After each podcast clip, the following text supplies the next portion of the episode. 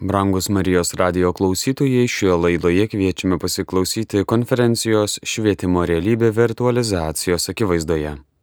Indrės Grigavičiūtės iš Kongsberg Digital AS Lietuva Norvegija pranešimas Virtuali prieiga prie tikrovės - būtinas ir neišvengiamas uždavinys.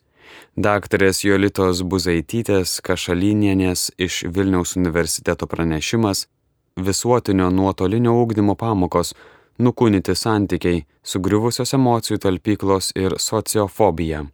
Diskusijoje dalyvauja Rimantas Vingras, Junktinė karalystė, Simona Mačienaitė, Pietų Amerikos Lietuanistinė mokykla, moderuoja profesorius Gediminas Karoblis ir Domas Boguševičius. Įrašas iš Vytauto didžiojo universitete vykusio Vytauto didžiojo universiteto pasaulio lietuvių universiteto simpozimo Laisvė ir jos formos. Kaip įvadą norėčiau keletą minčių pateikti e, jau e, mano pristatytų dar iš tikrųjų prieš prasidedant pandemijai, kada vyko konferencija skirta universitetams taip pat. Ir tada aš argumentavau, kad e, dar iki pandemijos noriu pabrėžti, kad virtualizacijos kelias yra tiek milžiniškas dėl savo traukos, kad neįmanoma nuo jo niekur dingti ir dėl trijų priežasčių. Tai pirmiausia, tiek Junktinės valstijos, tiek Junktinė karalystė savo prestižinės institucijas ir savo prestižinį švietimą, žinoma, labai noriai parduoda naudodamasi virtualiom aplinkom.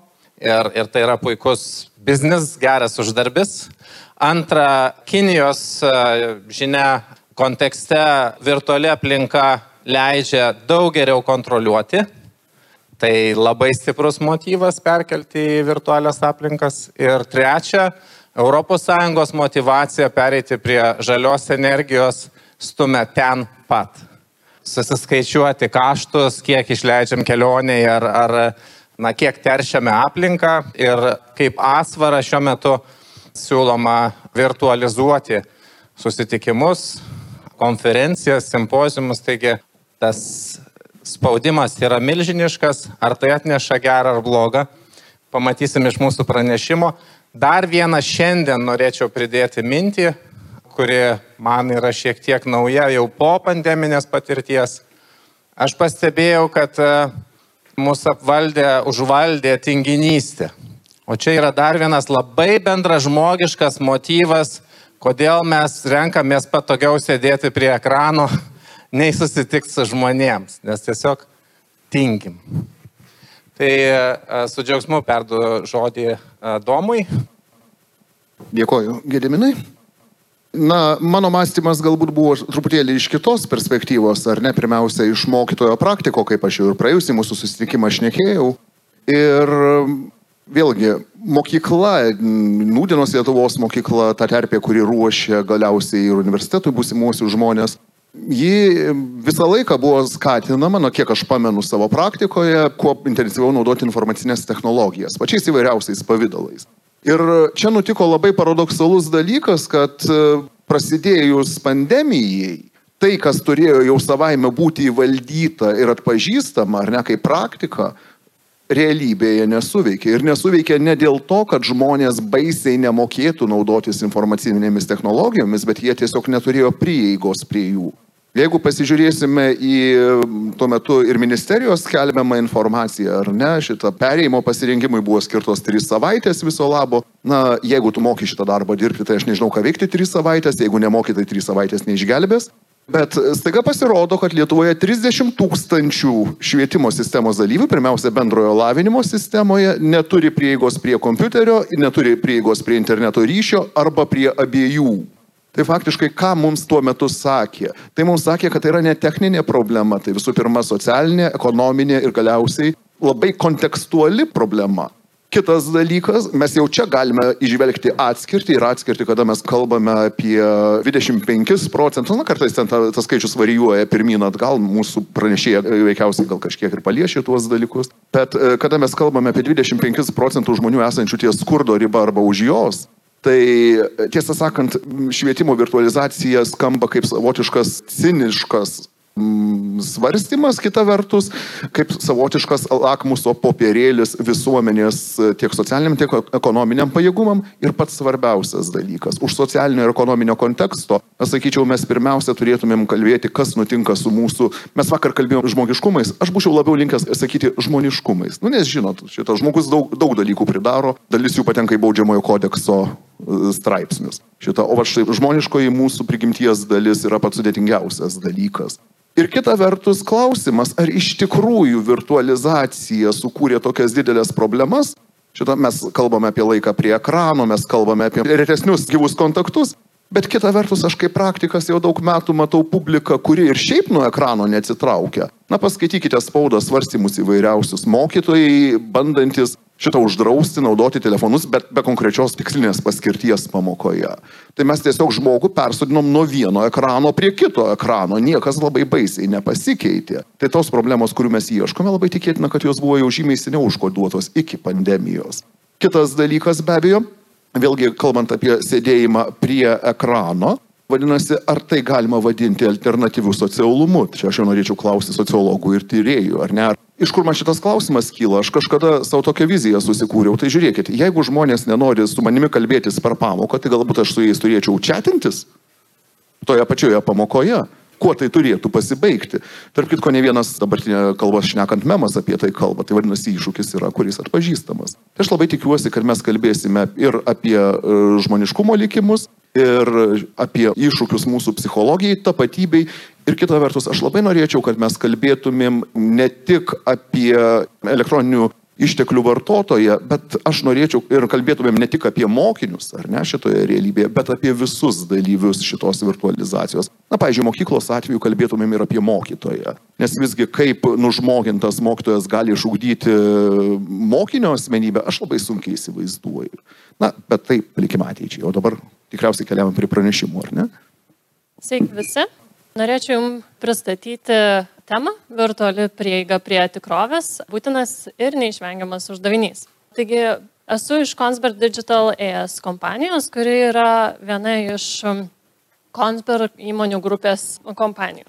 Ir jinai yra įsikūrusi Norvegijoje, taip pat ir kitose pasaulio kampeliuose. Šio pristatymo metu aš norėčiau atsakyti į keletą klausimų. Vienas iš jų, kaip veikia virtualių dvinių principas, kaip geriau jį įsivaizduoti, taip pat ar virtualus naftos platformos valdymas gali padėti geriau suprasti mokymo e, per nuotolį. Taip pat norėčiau atsakyti į klausimą, ar valdant procesus naftos platformose tenka susidurti, kad automatinė sistema apmoko ir kontroliuoja žmogų. Taigi, keliaukime prie Cognitvin virtualaus dvinys. Kas tai yra? Taigi, virtualus dvinys yra pagrindinė naftos ir dujų išteklių e, skaitmeninimo priemonė. Sprendimas, kuris suteikia jums e, galimybę išvengti nepageidaujamų įvykių ateityje ir ištirti bei rasti geriausius ištekliaus nustatymus, kad padidintume efektyvumą. Consberg Digital turi keletą produktų, kuriuos aš ir pristatysiu šio pristatymo metu. Tai vienas iš jų yra Cognitvin ir kitas yra KSIM, Maritim simulatorius. Taigi, kodėl mums to reikia? Kodėl mums reikia Cognitvin virtualizacijos priemonės?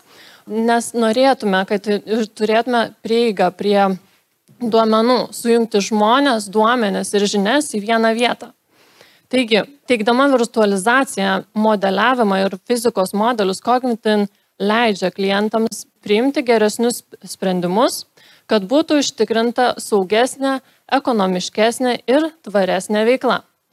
Taigi tai yra prieiga prie duomenų ir tai yra visa informacija vienoje vietoje.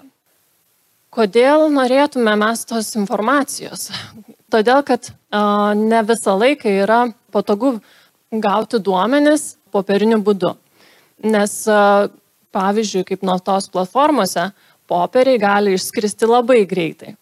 Taigi, virtualus dvinys padeda suskaidyti eksploatacinius ir projektinius rezervuarus, kad būtų vienas informacinis šaltinis, įtraukiant, išvalant duomenis, integruojant ir kitaip apdorojant. Taigi, Kad mokytumėmės, ta, kaip naudotis virtualiu dviniu, turi mokėti ir pati pats virtualus dvinys. Ir tam yra taikoma hybridinių mašinų mokymasis. Cognitin siūlo lengvą prieigą prie stebėjimo, dinaminio modeliavimo ir aukštos kokybės prognozių realiu laiku. Kas būtų jeigu? toks mokymas leidžia modeliuoti ir numatyti įrenginio eksploatavimo išvalgas, taip pat pagerinti gamybos efektyvumą, našumą, stebėjimą ir energijos optimizavimą. O kad dar labiau suaktyvintume mūsų naudotojus, kad jie galėtų naudoti mūsų produktą Cognitfin, e, mes norėtume susiorientuoti į išmetamųjų teršalų šaltinius. Todėl kad norėtume pagerinti e, gyvenimą Žemėje, tai virtualus dvinys Cognitin e, suteikia galimybę prieiti prie e, šios informacijos ir gauti patikimas informacijos tolimesniai analizai, kurią galite remtis ir tobulinti sukurtą sistemą. Artėjame prie švietimo, kaip mes mokomės ir kaip mes informuojame žmonės, kaip dirbti su Cognitin. Taigi, mes dažnai įsivaizduojame žmonės valdančius automatinės sistemas. Valdant procesus naftos platformoje tenka susidurti, kad automatinės sistemos apmoko žmogų. Todėl, kad reikia pasiruošti. Ir aš turėjau galimybę nuvykti į naftos platformą ir išbandyti šiuos mokymus nuotoliniu būdu, taip pat ir praktikoje. Teorinės žinios buvo pagilintos ir praktinės žinios taip pat buvo pritaikytos. O kad mokymasis būtų dar artimesnis, mes naudojame KSIM Maritim simulaciją. Ši simulacija yra jūrinio modeliavimo sistema, leidžianti efektyviai ir realistiškai mokyti studentus ir įgulą, kad jie įgytų gyvybiškai svarbių įgūdžių, skatinančių saugumą, ekonomiškumą ir tvarumą atliekant operacijas jūroje nes tenais yra visai kita kultūra. Nuvykus į naftos platformą pasijutau, kad pasaulis susitraukia ir yra mažesnis, nes nėra toks lengvas patekimas į naftos platformą ir išvykimas. Mums padėjo sraigtasparniai. Jeigu vanduo yra neramus, sraigtasparnis neatskris ir tau nepadės. Todėl turime pasiruošti iš anksto. Cognitvin Kongsberg Digital produktas turi galimybę ir turėti mokymus. Yra 20 skirtingų kursų kategorijų, į kurios yra suskirstinti mokymai. Taigi, dalis iš jų yra reikalinga pakliūti į naftos platformą ir dalį iš jų pereina būtent specialistai, kurie dirba naftos platformoje ir kitose jūrų technologijose. Taigi, mokymo centrai įsikūrė visame pasaulyje, kad galėtų lengviau paruošti studentus ir pačią įgulą. Ir apibrėžiant visą temą, norėčiau jūs paskatinti gilintis į ne tik tai technologijas, kurios sieja Lietuvą, bet ir kitas šalis, nes tai praplečia požiūrį į technologijas ir ką mes galime sukurti, kur naudoti ir kam tai yra reikalinga. Taigi, virtualus dvinys padeda klientams vizualizuoti ir suvokti operacijas skaitmeniniu būdu iš bet kurios vietos ir bet kuriuo metu, kad kiekvienas komandos narys galėtų tapti energetikos ekspertu. Dabar kviečiame Jolitą.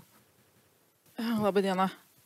Noriu kalbėti tema, kuri mane labai jaudina pasiruošiau skaidrės ir tekstą stengsiuosi nuo to teksto labai toli nenu, nenukrypti. Ir dėl vertimo, ir dėl laiko, kurį čia turiu man paskirtą. Bet e, savo temą formulavau truputį kaip iššūkį ir kaip intrigą.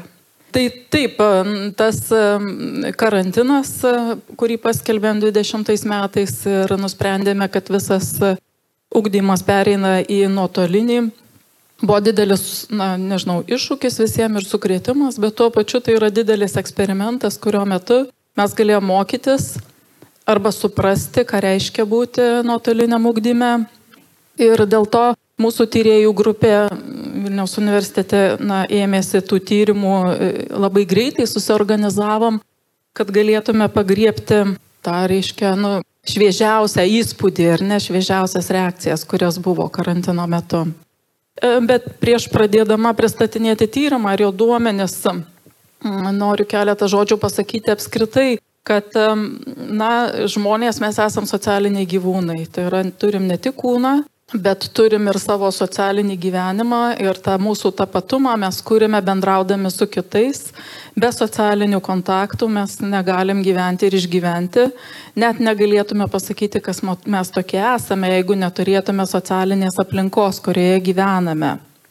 Dabar žmonių tarpusavio santykiams palaikyti nepakanka komunikavimo. Aš turiu omenyje komunikavimo, kada yra siunčiama žinia ir siunčiamas atsakymas raštu. Tai, ką mes dabar darome telefonuose ir tai, ką moderatorius sakė, kad aš galbūt galiu čia atintis. Tai iš tikrųjų tam, kad kurtume santykiai ir palaikytume, to nepakanka. Visada santykių kūrime dalyvauja visas kūnas, tai yra mums yra svarbu kitų žmonių kūno kalba, iš kūno kalbos mes labai daug nuskaitom apie, apie emociją, apie santykį su kokia emocija, nežinau, kokiu požiūriu žmogus ateina turėdamas apie mane, bet taip pat mums yra labai svarbus prisilietimai. Tai yra prisilietimai fiziniai, bet taip pat ir tos penkios jūslės, kurias mes turime - kvapas, skonis ir taip toliau kuris mums labai daug duoda informacijos ir apie žmonės, ir apie santykius. Nuotolinis darbas, bendravimas, socialiniai visi mūsų ryšiai, mokymasis nukūnino mūsų santykius. Tai yra Tokia buvo priverstinė izolacija ir socialinių kontaktų vengimas. Kai kas mes, nu, labai sąžininkai tų socialinių kontaktų vengėme, kai kas, sakykime, savęs nelabai ribojom, bet iš esmės, ne, ta izolacija atima tą mūsų esminę žmoniškųjų santykių dalį, tai yra galėjimą liesti, užuosti kitą žmogų ir suprasti savo santykius iš to kito žmogaus laikysenos pozos kūno kalbos pasitraukdami į nuotolį, nuotolinį bendravimą arba bendraudami tik tai per technologijas, per tarpininką, ne technologinį, iš esmės, aš sakau, mes atsisakome savo esminės žmoniškumo, žmogiškumo dalies, tai yra to kūniško bendravimo. Dabar mūsų kūnas yra labai svarbi emocijų talpykla Ir mes tą suvokiame nuo pat e, mažumės, ar ne, tai yra verkiantis kūdikis, jisai nusiramina tada, kai jaučia motina, motinos prisilietimą, liesdamas jos odą ir, ir, ir kvapą, ar ne. Tai suaugę iš tikrųjų mes atrandame daug, daug ir įvairesnių nusiraminimo būdų, tačiau fizinis prisilietimas, prisiglaudimas, apsikabinimas vis tiek išlieka labai svarbiu emocijų atpalaidavimo veiksnių ir išveikos būdu. Ant kito pėties mes galime na, išlieti susikaupusias ašaras, kito glėbyje galime patirti laimę ir džiaugsmą. Nutraukę fizinius kontaktus, iš esmės mes sugriauname šitą fizinę talpyklą ir prisilietimo poveikį tiek vaikų raidai, tiek suaugusių savijautai nagrinėja neurofiziologijos mokslai, smegenų veiklos tyrimai, pateikia mums daug ir įvairios informacijos apie tai. Dabar kalbant apie tyrimus, kurių rezultatus truputį noriu, norėčiau atskleisti šito pasisakymo metu, tai Na, aš dalyvavau dviejose tyrimuose, 20 ir 21 metais. Pirmas buvo skirtas apskritai nuotoliniam vaikų ūkdymam pandemijos metu, e, kokios to ūkdymo grėsmės ir kokios, na, ūkdymo galimybės ar ne. Tai šitame tyrimė dalyvavo 5-8 klasių mokiniai mokinių tėvai, mokytojai. E, mokinių tėvai buvo dviejų grupių, buvo pradinukų ir, ir, ir vyresnių klasių. Duomenis rinkom kiekybiniais, kokybiniais metodais. Antrasis tyrimas buvo daugiau apie, apie tai, kas sąlygoja tas e, psichosocialinės rizikas, ar ne, kas jas galėtų sumažinti. Ir mes daug dėmesio skiriame būtent bendruomeniai, socialiniams ryšiams, socialiniam kapitalui ir tam tikriems lyderystės e, e, veiksniams. Tai čia irgi dalyvavo apie pusantro tūkstančio mokinių, mokytojų, mokinių tėvų ar ne, ad, mokyklo administracijų atstovų iš 33 Lietuvos mokyklų. Antrasis tyrimas jau buvo tik tai kiekybinės apklausos, nedarėm kokybinių e, dalių, abu tyrimus finansavo mokslo taryba. Ir komandos buvo tarpdalykinės. Turėjom psichologijos, edukologijos, socialinio darbo ir medicinos ryčių mokslininkų. Kokiosgi karantino ir nuotolinio augdymo pasiekmės mokinių emociniai būsenai ir apskritai elgsenai įpročiams? Daugiau nei trečdalio vaikų emocinė būsena ir arba elgesys, elgsena pirmojo karantino metu, tai yra 20 metų pavasarį, iš esmės pablogėjo. Mes tyrimą darėm gegužės pačioj pabaigoje, birželio pradžioj. Vaikų, kurių emocinė būsena ir elgesys pablogėjo, e, šitie vaikai daugiau laiko leido prie ekranų, buvo mažiau fiziškai aktyvūs, e, mažiau laiko leido laukia, e, jų miego režimas buvo nenuoseklus arba sutrikęs ir jų tėvai jautė didesnę įtampą. Iš esmės emocinė būsena arba elgsena labiau pablogėjo vaikams, tiems vaikams, kurie iki karantino turėjo emocijų ir elgesio sutrikimų arba kažkokių sunkumų. Nuotolinis ugdymas ar ekranų laikas. E, nuotolinio Ugdymo metu ženkliai pailgėjo naudojimasis įvairiais IT prietaisais, ką mūsų tyrimė mes tiesiog vadinome ekranų laikas. Čia ne tik kompiuteriai, bet ir telefonai ir visos kitos e, žaidimo, žaidimams naudojamos priemonėms. Reiškia, tas ekranų laikas buvo ilgesnis tiek mokymosi tikslais, tiek laisvalaikiu bei pramogoms. Ir lyginant pirmojo karantino laikotarpį su ankstesnių tyrimų duomenimis, visas ekranų laikas padvigubėjo. Tai yra ne tik mokymuisi, bet ir laisvalaikiai prabangoms. Rudenį daugumai mokyklų sugrįžus prie kontaktinio ugdymo e, laikas leidžiamas prie ekranų ir pramogoms e, arba laisvalaikiu išliko ilgesnis nei iki karantino. Kokiosgi pasiekmės psichiniai ir fiziniai vaikų sveikatai? E, bendrai reiškia mūsų tyrimo rezultatai rodo, kad ilgėjant bendram ekranų laikui daugėja vaikų somatinių simptomų. Tai yra vaikai dažniau e, skundžiasi galvos, pilklo, akių, kitokių skausmų ir nuovargių. Mažėja miego trukmė ir bendrai miego kokybė. E, laisvalaikiu ir pramogoms, tai reiškia skiriamas ekranų laikas siejamas su prastesnė vaikų emocinė savijauta ir taip pat didina kompulsyvų arba probleminį naudojimą interneto. Tada galvos skausmais dažniau skundžiasi tie vaikai, kurie mažiau fiziškai aktyvūs bei mažiau trumpiau būna laukia. E, jie pasižymi blogesnė emocinė savijauta, e, blogiau vertina savo turimus santykius su aplinkiniais ir taip pat e, jų noras mokytis yra mažesnis.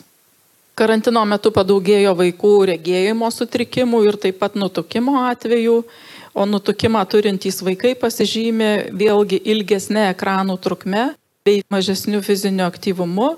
E, taip pat jie dažniau turi emocinių elgesio ar mokymosi sunkumų ir yra iš e, mažiau palankios socialinės ekonominės šeimos aplinkos.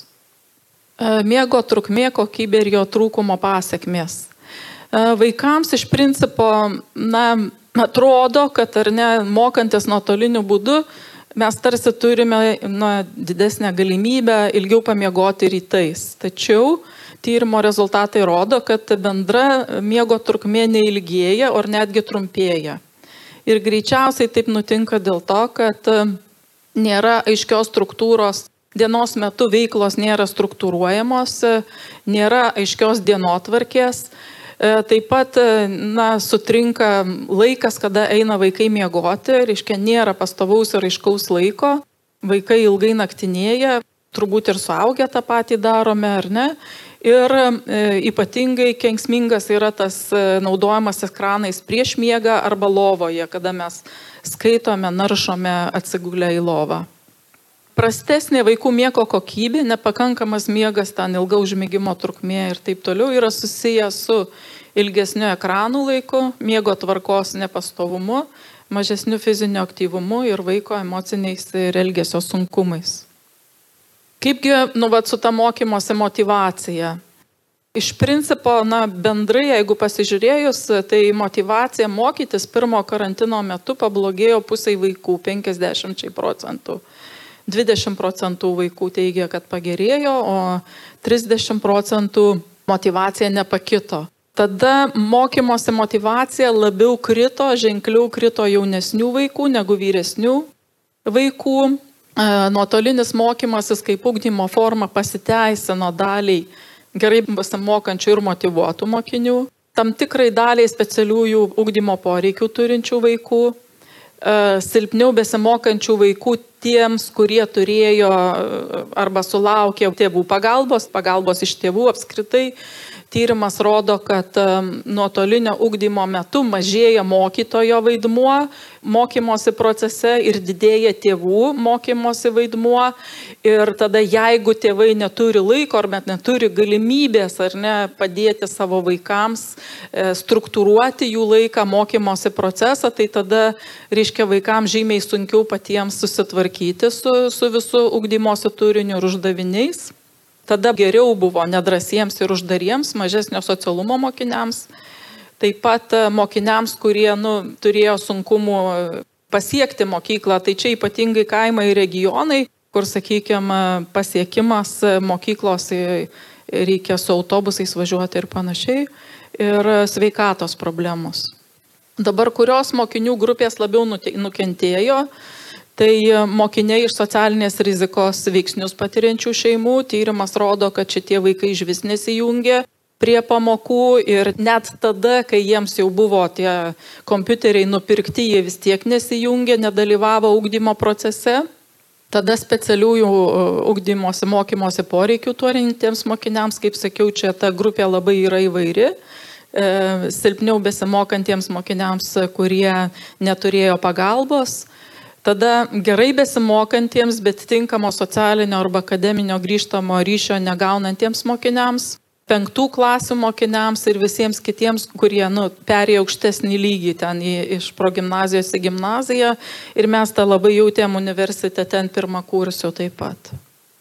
Taigi apibendrintai, nuotolinis sugdymas bei karantinas pandemijos reiškia metu ir ribotos mokinių bendravimo bei socialinio gyvenimo galimybės blogino vaikų emocinę savijautą, psichinę ir fizinę sveikatą, silpnino motivaciją mokytis ir taip pat silpnino socialinius ryšius ir apskritai įsitraukimą į socialinį ir visuomeninį gyvenimą. Čia ką, ką jūs sakėt, kad tingime, bet turbūt ir motivacijos nerandame ateiti.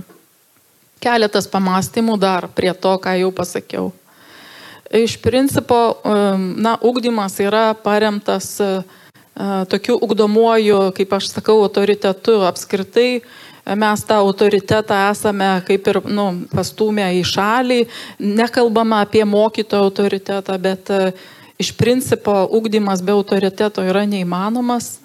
Ir internetas gali suteikti daug žinių, Bet žinios įgyja prasme tik tai tam tikrų santykių kontekste. Iškai iš principo tai, ką mes žinome, mes įprasmename savo kultūroje, ideologijoje, socialiniam, ekonominiam kontekste. O kada gaunam tik tai žinias, mes neturim to viso konteksto.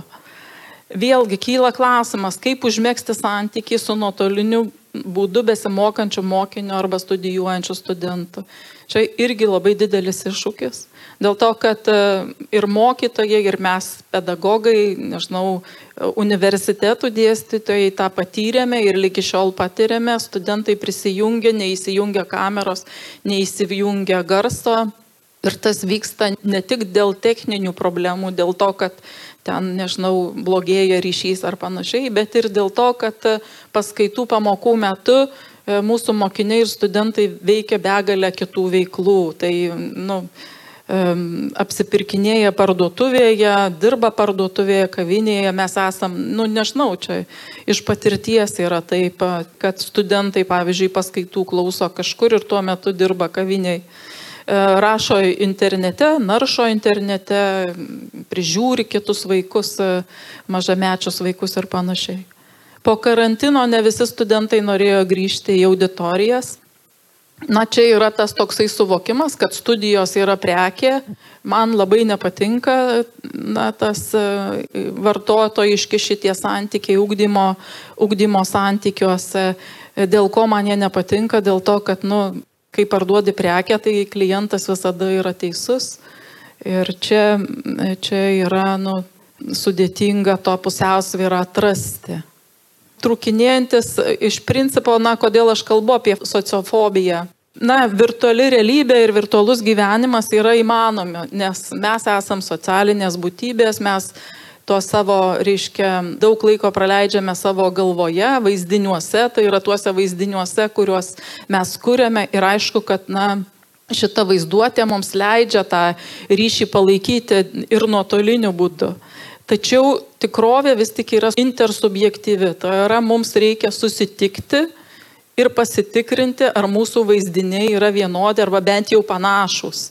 Ir jeigu mes nesusitinkame, mes kiekvieną savo ten tose fantazijose ir gyvenam, nes interpretacijos teksto, kuris neturi kūno ar negali būti labai įvairios. Mes skaitome ir mes įdedame jausmus ir prasmes į tą tekstą tokį, kokie mes tuo metu norime arba įsivaizduojame. Na ir užsidarome savo vaizdiniuose, nusi, nustojame rūpinti savo fizinę, socialinę aplinką, netenkame socialinių kompetencijų, tai yra nemokame nuskaityti tų kitų žmonių iš jų kūno kalbos ir tada aišku, mums yra kai mažėja socialinė kompetencija, mes traukiamės iš tų ryšių, mums jie yra nemalonus, nepatogus, e, nežinome, kaip su tuo šalia esančiu žmogum bendrauti. Ir mokinių atveju, nes šitos socialinės kompetencijos nesusiformuoja. O suaugusiu atveju mes matom, kad jos mažėja arba mes regresuojame, tai, ką mes turėjome, mes prarandame. Ir, na, aš sakau, kad sociofobija pasireiškia, kai kuo ilgiau esu užsidaręs ar ne, tuo sunkiau man išeiti iš namų susitikti su kitais, o kai tie susitikimai retėja, man reikia vis daugiau pastangų. Na ir aišku, kad tada ta užsidarau vienatvėje, man depresija, krenta motivacija, ne tik mokytis, bet ir dirbti ir užvaldo nuovargis ar apatija. Pagrindinę mintį pasakiau turbūt, ačiū tikrai už galimybę ir ačiū. Kviečiu Rimantą Vingrą pasidalinti mintim, kaip menininkam šitas laikas. Aš iškart prisipažinsiu, kad aš esu tas žmogus, kuris naudoju telefoną lovoje prieš miegą. Aš gyvenau Londone ir aš e, dėstau ten ir dėstau taip pat šitam universitete, vadau muzikos akademiją. Mano studentai yra, e, dauguma jų yra Kinijoje. Aš dėstau anglų kalbą ir jie kažkurio metu atvažiuos į Kauną, bet kol jie net važiavo fiziškai, kai jie atvažiuos fiziškai, kažkas dirbs su juo, kitas dėstytojas dirbs jau vienas su vienu individualiai, bet šiuo metu mes dirbam taip ir aš dėstu anglų kalbą. Tai e, jeigu aš pažiūrėčiau iš savo pusės, tokios pianistinės savo patirties, e, prieš padėdamas apie tai kalbėti, aš turiu pabrėžti vieną dalyką, kad fortepijono meno mokymas yra tas sritis žmonijos žinojimo sritis, kuri nepaklūsta raštui. Mes negalėjom šito, tarsi mes kaip visi pianistai kolektyviai, 300 metų tradicija, mes negalėjom šitos padaryti. Kaip tai padaryti, kad mes galėtume tai perduoti raštu? Nepavyko. Ir čia liečia daugelį e, atlikėjo meno e, sričių. Tai jeigu, sakykime, žiūrėtume taip grinai teoretiškai, galimybė kalbėti per atstumą mums yra didžiulis pasiekimas. Dėl to, kad bent jau mes kažką galim daryti, to, ko mes negalėjom perduoti raštu. Ir tos e, technologijos, į jas buvo žiūrima, aš dirbau kažkada um, prieš 15 metų uh, Cincinnati universitete E, Ohają. Ir jau tada universitetas bandė visais būdais, kaip tai būtų galima padaryti, e, kad mokyti per nuotolį. Ir tuo metu tos technologijos neleido tai tikrai, buvo perlėtas ryšys. E, bet žiūrėkit, viskas pasikeitė, technologijos gerėja ir, aišku, pandemija pagreitino visą tą procesą. Ir dabar jau tas mokymas atsiprašau, tas mokymas e, nuotoliu nėra jau tokia didelė ir e, naujovė. Bet aš nenorėčiau sudaryti įspūdžio, kad pagrindinė varomoji jėga šitoje vietoje yra technologijos. Anaip tol ne. Man atrodo, kad mūsų, vat, mano sferoje, yra bent jau du veiksniai, kurie gana taip ryškiai veikia. Tai yra rinkos ir galimybė išnaudoti skirtumą tarp e, uždarbio ir pragyvenimo ligmens. Pakalbėkime apie rinkas. Didžiausia šiuo metu rinka yra Kinija pianistinė. Šiuo metu mes žinome, čia yra oficialūs duomenys, yra 40 milijonų vaikų, kurie mokosi fortepijono. Tai yra vien fortepijonas. Tai jeigu jūs pagalvokit, e, mūsų kaimynus Lenkija, kiekvienas žmogus būtų pianistas vaikas. Tai kai mes turim tokius perkričius, suprantat, mes norim, nenorim, tie tiesiog tie skaičiai mus vers judėti tą linkmę. Ir čia aš nežinau, kas e, dirbo VDU, kad mes dalyvavom šitoje rinkoje. Tai šaunuoliai, tie žmonės, kurie tai padarė, tikrai čia yra didžiulis nuopelnas. Yra labai daug norinčių dirbti, ir amerikiečiai, ir, ir kas tik tai norit. Ir, ir galite surasti dabar žmonių, kurie tiesiog rengiasi šitai dirbti Kinijos rinkoje, mokosi kalbą, jie studijuoja kultūrą ir taip toliau. Žmonės, kurie, pavyzdžiui, mokosi Cambridge'e. Ta konkurencija yra didelė. Bet kad mes galim dalyvauti, kad mes dalyvaujam, tai yra šaunu, kaip aš kalbu apie mūsų universitetą. Matot, mūsų demografija Lietuvoje yra kita. Dabar įsivaizduokit tokią situaciją. Ką jums daryti, jeigu jūs gyvenat pakruojai, kur yra 4000 gyventojų ir jūs turėsite keturis vaikus, kurie groja pas jūs. Jūs turite ieškoti būdų, kaip išeiti tą rinką ir kaip pasinaudotom technologijom, kurios leidžia. Be abejo, yra kitos dalykos, tai yra kultūros pažinimas, mokėjimas, e, kultūros pažinimas, yra visos geopolitinės problemos, sunkumai, su kuriuos mes visi labai gerai žinom. Bet tai, kad ta galimybė yra ir tie skirtumai susidaro, labai, na, tai mūsų taip tiesiog verčia judėti prieki. Kitas dalykas Skirtumai pragyvenimo, na tarkim, yra toks psichologinis veiksnys. Jeigu uh, tėvai nori, kad vaikus mes mokytume taip, kaip jeigu, jeigu jie kažkada tėvai patys mokėsi muzikos, jie nori, kad mes juos mokytume taip, kaip jie juos mokė. Tai kas atsitinka, jeigu, pavyzdžiui, tėvai mokysi čia Lietuvoje, jie nuvažiavę į Londoną, yra didelė galimybė, kad jie norės, kad jūs mokytų taip, kaip čia. Tai kaip, jeigu, sakykime, jūs vėl, aš į savo šiaulių kraštą grįžtu, jeigu jūs gyvenat kuršienuose ir galit mokyti vaiką Londone ir už tai gauti Londono kainą, tai žinoma, pragyvenimo ligmuo kuršienose bus žymiai mažesnis. Ir kaip jūs turit kontaktą, ypač jeigu tas vaikas mokėsi pas jūs kuršienų meno mokykloje, tai čia yra irgi tokia gana stiprus veiksnys. Aš norėčiau šiek tiek pakalbėti apie patį galbūt mokymą ir šiek tiek šiokias tokias paralelės. Aš noriu e, išvesti tokį dalyką. Buvo paralelė. Tarkim, jeigu mes neturim labai daug tyrimų, čia vieni pirmųjų, kuriuos aš susidūriu, Kokios yra pasiekmes to mokymo internetu, dar nematom, bet mes muzikoje turim labai gerai apmastytą muzikos atlikimo ir technologijų santykiai. Ir čia norėčiau išvesti vieną tokią paralelę e, su radiju.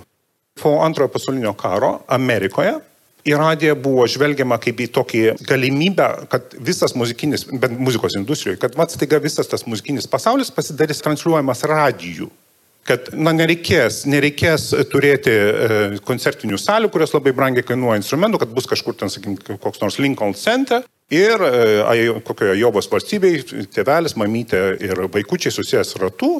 Ir po pietų klausys simfoniją iš Lincoln Centro ir taip ta muzika sklis. Ir buvo dedamos viltis, bet įdomu tai, kad jie darė ir tyrimus. Ir vienas iš tokių tyrimų yra man nepaprastai įdomus, tai yra Princeton universitete, kur dirbo Adorno prie šito tyrimo. Yra toks Adorno straipsnis, vadinasi Radio simfonija. Aš tik vieną elementą iš jo panaudosiu, kuris mano supratimu labai e, rezonuoja su dabartinė situacija. Adorno pastebėjimas apie kodėl radijas neveiks. Nors ir jisai pripažino, kad radijas gali kai ką mažom formomis gali veikti, kokiam nedidelėm e, kameriniai muzikais gali veikti, bet yra esminė situacija, dėl ko jisai neveiks. Ir tai, kad tai neleidžia pertikti visumos. Ir jo pasakymas yra toks nepaprastai gražus. Tam, kad jūs e, suvoktumėte pirmąją simfonijos natą, jums reikia išgirsti paskutinę. Kai jūs išgirstot paskutinę, jūs suvoksite, apie ką buvo pirmoji. Kaip ir literatūra arba kitam mene. Taip? Tai e, jo supratimu, ir tai yra absoliučiai teisinga, e, jo supratimu tas fragmentiškumas, mydė, tos būdo perdavimo fragmentiškumas, jums neleis, neleidžia tos visumos pajusti. Tai e, į ką Adorno mus atgrėžia, kad jeigu mes mokom tokiom citatom, bet fragmentais, ir žmogus negali suvokti visumos, jisai negali suvokti įtampų tarp dalių, tarp, kaip tos įtampos formuoja, konstruoja kūrinį, meno kūrinį. Tai e, yra toks didelis klausimas, ar mes mokom, ar mes mokom muzikinio mąstymo. Ar mes mokom mąstymą, ar mes mokom tiesiog tokias fragmentus, kažkokias citatas. Ir ar net ne, nebus taip, tas nuogastavimas yra, ar nebus taip, kad mes sukursim tokią kartą žmonių, kurie tiesiog va, va taip ir kalbės tokiais plakatiniais lozungais, nesuvokdami realybės ir nesuvokdami realybės sudėtingumo, ryšių tarp realybės sudėtingumo. Tai va ta paralelė, man atrodo, jinai yra svarbi ir kažkaip pereina į mūsų dabartinę situaciją ar, ar, tą mokymą, bet vat, užbaigsiu tokią mintimą. Kas atsitiko su visa ta idėja, pokarinė idėja JAV apie radiją? Nieko neatsitiko. Niekas nesėdėjo ir neklausė tų koncertų. gyvenimas ėjo savo linkme, bet kiekvienas iš tų medijumų susirado savo nišą. Klasikinės radijas išliko. Lygiai taip pat kaip ir išliko, tasme, jo aš jau klausau, kai vairuoju mašiną. Tai yra dvi valandos per dieną mažiausiai. Tai pakankamas rimtas laikas. Ir e, išliko koncertai, išliko visi CD, išliko YouTube, kur du, tas, visos tos talpmenos muzikos, kur, kur ta kultūra e, yra. Jos veikia paraleliai ir viena kitą papildo. Tai iš mano supratimu, taip kažkaip turėtų ir įvykti su internetiniu mokymu. Tai tiesiog bus nuotoliniu mokymu. Bet aš tikrai įsiklausyčiau į Nu, man tas Adorno pasakymas man, man, man yra, atrodo reikšmingas. Man atrodo, kad tai yra svarbu atkreipti dėmesį į tuos dalykus, kad mes nepamestumėm visumos. Šioje laidoje klausėmės konferencijos Švietimo realybė virtualizacijos akivaizdoje. Girdėjome Indrės Grigaravičiūtės iš Konsberg Digital AS Lietuva Norvegija pranešimą. Virtuali prieiga prie tikrovės būtinas ir neišvengiamas uždavinys. Daktarės Jolitos Buzaitytės Kašalinėnės iš Vilniaus universiteto pranešimą. Visuotinio nuotolinio ugdymo pamokos - nukūnyti santykiai, sugriuvusios emocijų talpyklos ir sociofobija.